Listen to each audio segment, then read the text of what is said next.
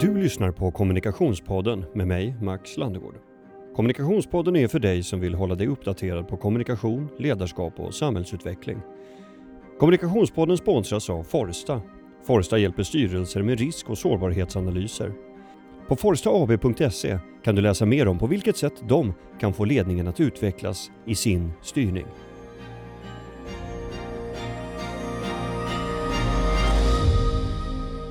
Med ett förflutet på bland annat Samsung där han var Nordic Brand Manager är det Kalle Olsson Bexell som nu rattar kommunikationen för Ski Team Sweden Alpine som Head of Marketing. Och idag så är han också gäst i Kommunikationspodden. Varmt välkommen Kalle! Tack så mycket! Kul att vara med!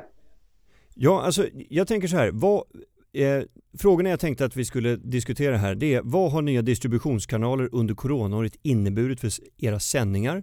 Varför har Ski Team en egen talkshow och vad händer nu på lördag? Det tänkte jag att vi kan prata om. Och vi, jag tänkte att vi kan eh, börja med just morgondagen, lördag. Vad jobbar ni med inför det? Och först och främst ska vi berätta att imorgon lördag så är det premiär för storslalom i Sölden. En eh, premiär som naturligtvis har varit oviss in i det längsta. Men eh, där man nu har hittat lösningar och protokoll för att kunna genomföra tävlingen, vilket vi tycker är väldigt positivt och hoppas bara att det inte får några negativa följder. Eh. eh, kort inspel där bara, hur, hur har man lyckats säkra då? Det verkar vara så mycket ad hoc-lösningar på så många olika håll. Hur har man gjort där? Ja, där har vi, det, det är som sagt ett, ett oerhört rigoröst protokoll som man, behöver, eh, som man är tvungen att genomföra för att vara på plats. Det är eh, tester tre gånger om dagen, eller tre gånger, var, en gång var tredje dag ska jag säga. Så genomgår man tester för att se att, att alla i, eh, i laget, tränare och så vidare är eh, friska. Och sen är det väl, tänker jag mig, extrem eh, isolering eh, och karantän om det är så att man hittar någon som är eh, positiv. Men man har ju ingen publik. Man har valt att lägga tävlingen en vecka tidigare för att man inte ska ha öppnat anläggningen än. Så det finns en massa, en massa åtgärder som man har tagit för att säkra upp att tävlingen blir av. Och hur ser det ut på kommunikationssidan? Vad, vad har du och ditt team gjort? Ja, där, eh, det är en utmaning naturligtvis, eh, för vi vill ju vara lika öppna och ha samma tillgänglighet som åkarna och tränarna som om det hade varit en vanlig tävling.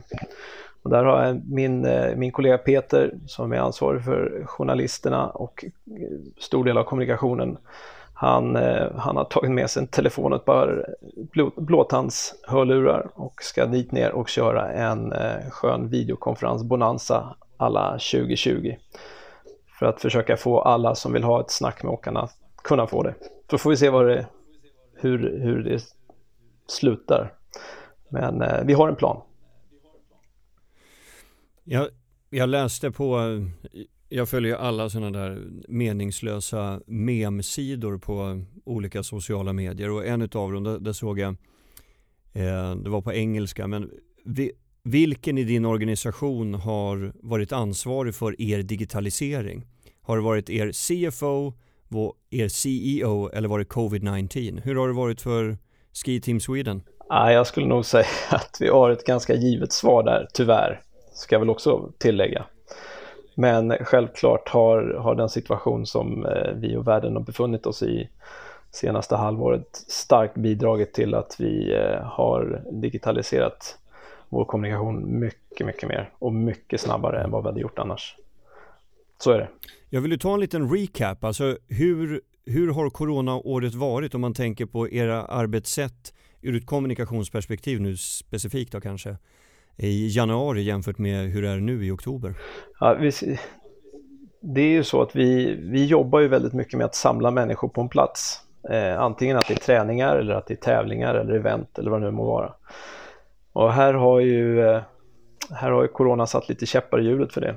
Så vi, vi har ju behövt hitta nya sätt att exempelvis ha, ha eh, partnerträffar. Bara där har vi då testat att ha partnerträffar digitalt Och vi försökte skoja till det i en annan partnerträff med att faktiskt ha en digital middag också, där vi beställde hem mat till, eh, till de som var med oss och försökte vi sitta och äta framför, eh, framför Teams. Och i ärlighetens namn ska jag säga att det höll det var en hyfsat stel middag. Så att, eh, men det kanske blir bättre, man vet aldrig. Vi kanske kan digitalisera middagar också framöver. Men, men jag skulle är säga... Är det inte svårt?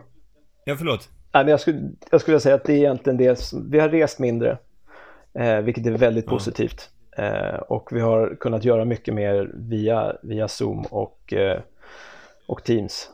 Eh, mm. och, och, det gäller, det gäller eh, allt ifrån möten till, till eh, digitala träningar som våra, och utbildningar som våra tränare har tagit. Så det finns ju mycket och mycket kommer att leva kvar också så att det är inte bara av ondo ska vi säga. Men är det inte en väldigt utmanande situation ur ett kommunikationsperspektiv just när man inte kan samla medarbetare, gränssnitten skiljer sig väldigt mycket, färdigheterna hos medarbetare, intressenter, partners, mognadsgraden ser väldigt olika ut, eh, hur du kommer i att hantera appar, gränssnitt och så vidare. Hur, hur, ser du på det? Jo, vi, alltså vår organisation är väldigt utspridd. Eh, givet att många är ute och reser 250 dagar om året så har telefon och videokonferens har alltid funnits med oss. Eh, och jag skulle tycker att även de av oss som är mindre begåvade framför datorn eh, har lyckats göra det här. Det som jag tycker är skillnaden det är när man ser stormöten som förut tog kanske 10 minuter, en kvart innan alla var uppkopplade, ljudet funkar och man, man kände att man var på gång. Det går idag på en till två minuter. Det är väldigt sällan ett mm. möte inte sätter igång när vi har på utsatt tid. Så att eh, jag tycker att där har vi blivit bättre. Men jag tror att vi har rört oss i den här häraden under ganska lång tid just på grund av att vi är så pass utspridda och väldigt få sitter på ett kontor. Ski Team har sedan en tid tillbaka en egen talkshow. Eh, hur tänkte du när, när ni byggde upp den? Vad, vad har du viktigt för dig att ta med?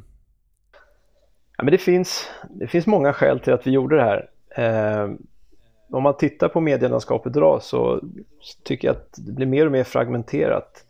Så de här stora lägereldarna som man förut samlades vid, med breda tv-program och alla kunde titta på, de har ju någonstans övergått till att bli små tomtebloss där man sätter sig i ett hörn och tittar på något obskyrt program om, där man kan nörda ner sig ordentligt i, i sina intressen.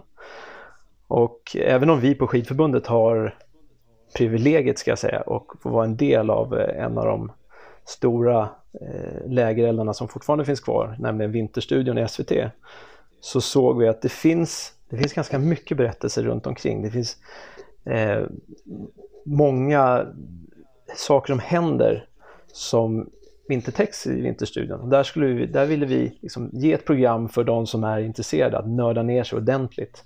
Att inför varje helgs tävling så ska man få lite extra information som gör tävlingarna ännu mer intressanta att titta på och på så sätt också skapa ett intresse.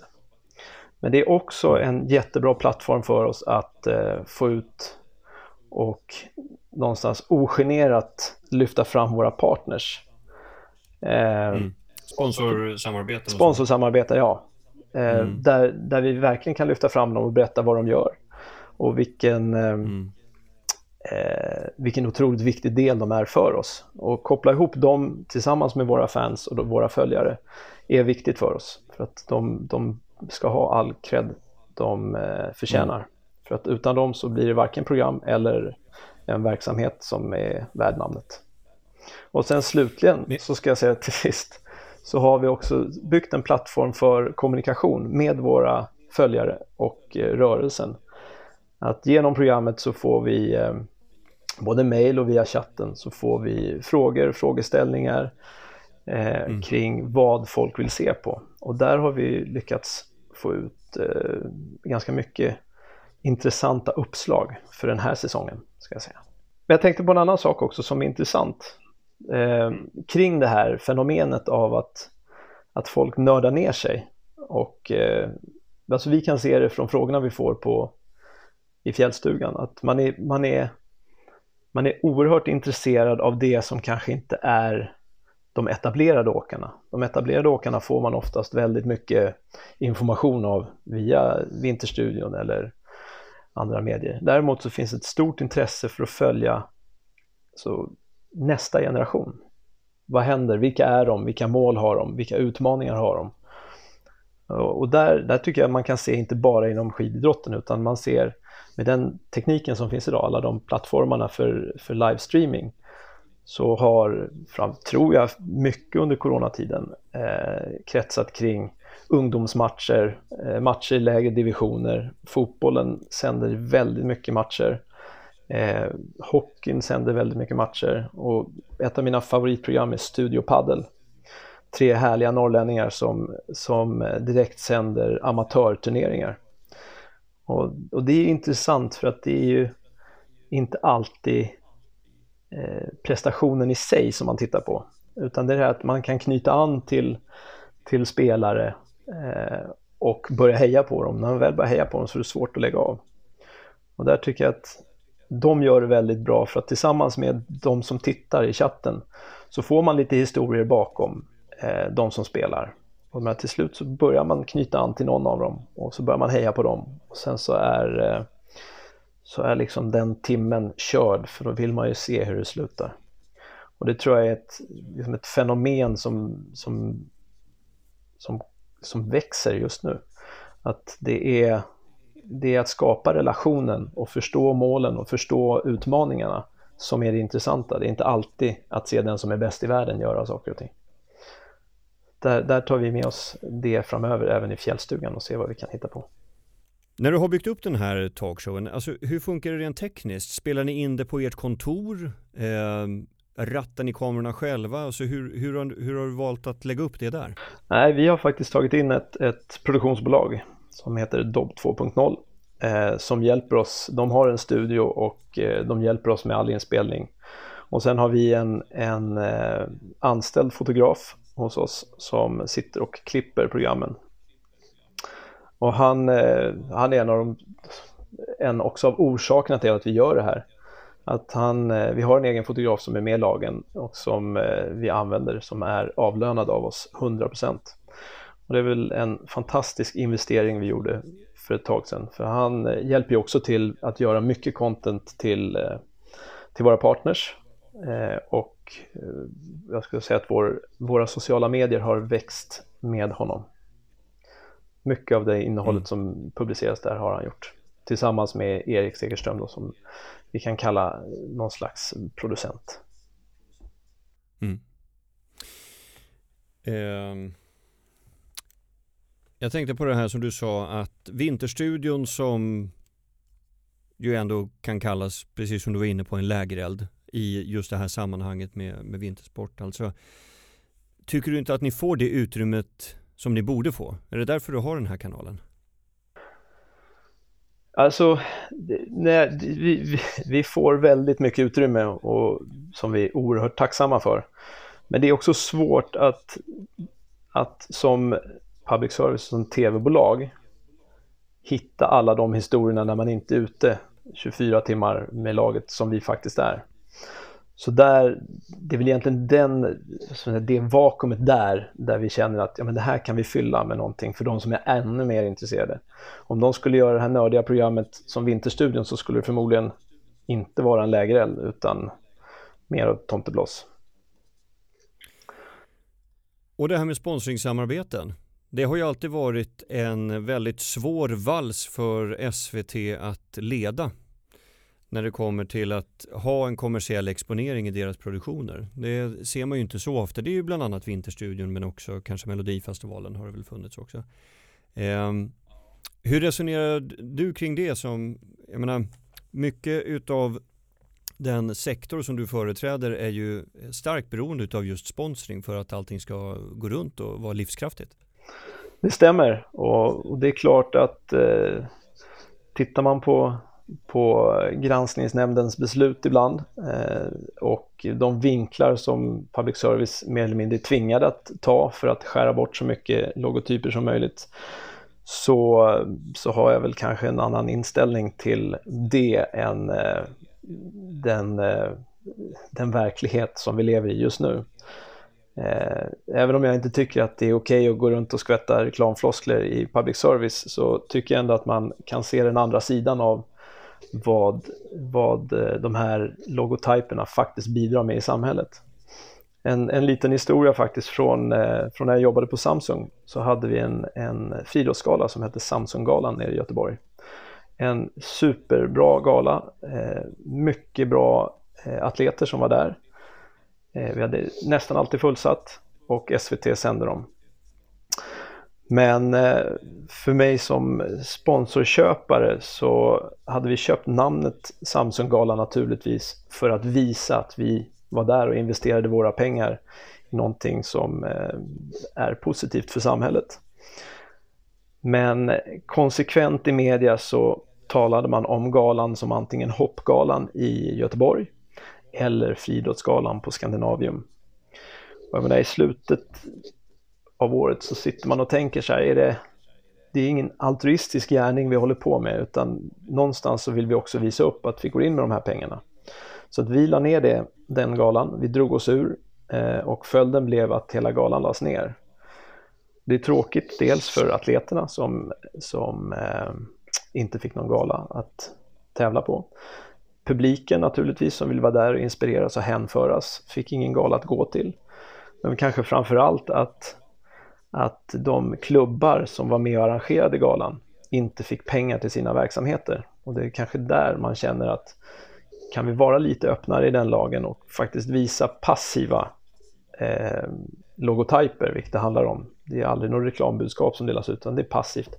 Så kanske man kan väga upp lagen eller tänja på den en aning för att faktiskt visa vilka det är som gör det här möjligt. Och därför kan jag tycka att den, eh, Eh, att, att den lagen tolkas lite väl snävt ibland. Eh, för jag menar, tittar jag på en, en, en av våra partners Bauhaus som är otroligt involverad i svensk idrott. Både från barn och ungdom upp till, till elitidrott. Så tycker jag de, de ska ha cred för allt de gör. Eh, och bara se, se de investeringarna, dels som en, en marknadsföringsplattform att, att kommunicera kring, men också att man faktiskt investerar i samhället, i, i hälsa och friskvård och att vi kan få fler att röra på sig tycker jag är hedvärt och det ska de lyftas framför. Mm.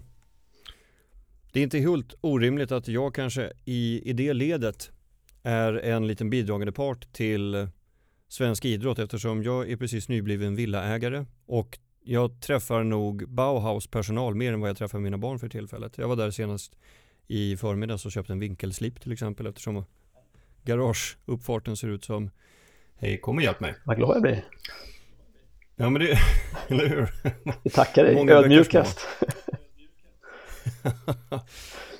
du, du var inne på det här med, jag, jag tänkte bara kolla lite grann med just kanaler. Du sa det, ni har en resurs nu inhouse som hjälper till med lite allehanda, verkar vara lite utav en multikonstnär som både klipper och gör innehåll, både åt partners men också Ski Team Alpine eh, för eh, social spridning. Ni har er talkshow.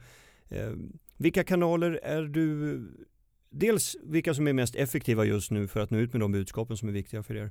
Men finns det några andra som du är lite, ska man säga, nyfiken på, utforska? Ja men absolut, det gör det ju. Eh, jag skulle vilja säga Eh, att, att vårt Instagramkonto är väl, vi, vi, har ju liksom en uppdelning lite på hur vi jobbar med, eh, med vårt Facebook-konto exempelvis. Där har vi mycket information till vår rörelse. Eh, vi jobbar med Instagram så jobbar vi mer med inspiration, det vill säga mycket filmer från skidåkning, eh, roliga saker som händer. Och sen så har vi vår YouTube-kanal där vi försöker att blanda de här två men med en övervikt av inspiration. Eh, och i det paketet kan man väl säga så, så, så, skulle jag också vilja utnyttja eh, det faktum att vi har eh, ganska många kända och eh, på väg att bli kända åkare som, som något slags nätverk. Även om de inte kanske har lika många följare som de största influencers så är det så att de har en, en stor påverkansgrad i, i sitt lokala område. Eh, och eh, där tycker jag att vi vi arbetar bra med dem, men har fort, vi har fortfarande inte hittat modellen för hur vi ska kunna arbeta på ett riktigt bra sätt för att kunna få ut eh, olika budskap. Bland annat så, så när, vi, när jag började här för fyra år sedan så satt jag och min kollega Gunnar och vår chef Tommy och diskuterade lite av vad vi skulle kunna göra nästan filosofiskt. Varför gör vi folk så bra som möjligt på skidåkning? En, ett svar på det är att vi vill ha med oss så många som möjligt som ska börja åka skidor och få ett, ett, en kul aktivitet att göra, en hälsosam aktivitet. Men vi tittade också på att vad, vad skulle vi kunna använda det här till för att göra gott i samhället? Och just då så var ju på tapeten så var det ju flyktingfrågor och klimatkrisen. Och flyktingfrågorna tyckte vi väl själva att eh, där har fotbollen och basketen gjort jättemycket bra. Eh, och skidåkning kanske inte är det som rimmar bäst just med de frågorna, även om vi naturligtvis vet och hoppas att flera med utländsk bakgrund börjar med skidåkning. Däremot så kom det samma stund som vi satt i det mötet så kom det ett samtal från en av tränarna som sa att vi måste tyvärr åka hem från Juvasut i Norge för glaciären har börjat smälta. Och då föll ju myntet ner hos oss alla tre och insåg att vänta, vår sport håller på att smälta bort tack vare den här globala uppvärmningen. Så här måste vi faktiskt försöka göra någonting. Eh, alla satt väl hyfsat handfallna eftersom vi inte är några miljöexperter men vi inser ju själva att vi flyger massor, vi åker massor med bil, vi äter massor och vi bor på hotell. Det är klart att vi förmodligen inte, inte är de bästa eh, miljöförespråkarna här. Men vi, eh, där tog vi faktiskt in Vattenfall som, eh, som är vår partner som fick hjälpa oss med att strukturera upp de här problemen och titta på vad är det vi faktiskt kan göra. Och satte upp ett ganska aggressivt mål med att vi skulle minska våra koldioxidutsläpp med 25 procent från 2017 till 2019 och sen ytterligare reducera det till 50 procent 2022 innan OS. Eh, och där var faktiskt åkarna en otroligt stor del, eller de är ska jag säga, i det här arbetet att kunna få ut det här budskapet för att bara att vi i förbundet gör det gör ingen, det får ingen större effekt. Men när vi kan få ut det på klubbar och alla de, de beröringspunkter vi har så kan vi kanske börja få till en förändring. Och där, där började vi väl. Sen tycker jag att den, den, eh, den kanalen är intressant. Även om vi vet att den är oerhört stark att driva våra våra personliga berättelser men också att kunna använda den till att föra ut andra budskap skulle jag vilja bli bättre på och undersöka mer. Spännande. Kalle Olsson Bexell, Head of Marketing på Ski Team Sweden Alpine. Stort tack för att du ville vara med i Kommunikationspodden. Ja, tusen tack för att jag fick vara med.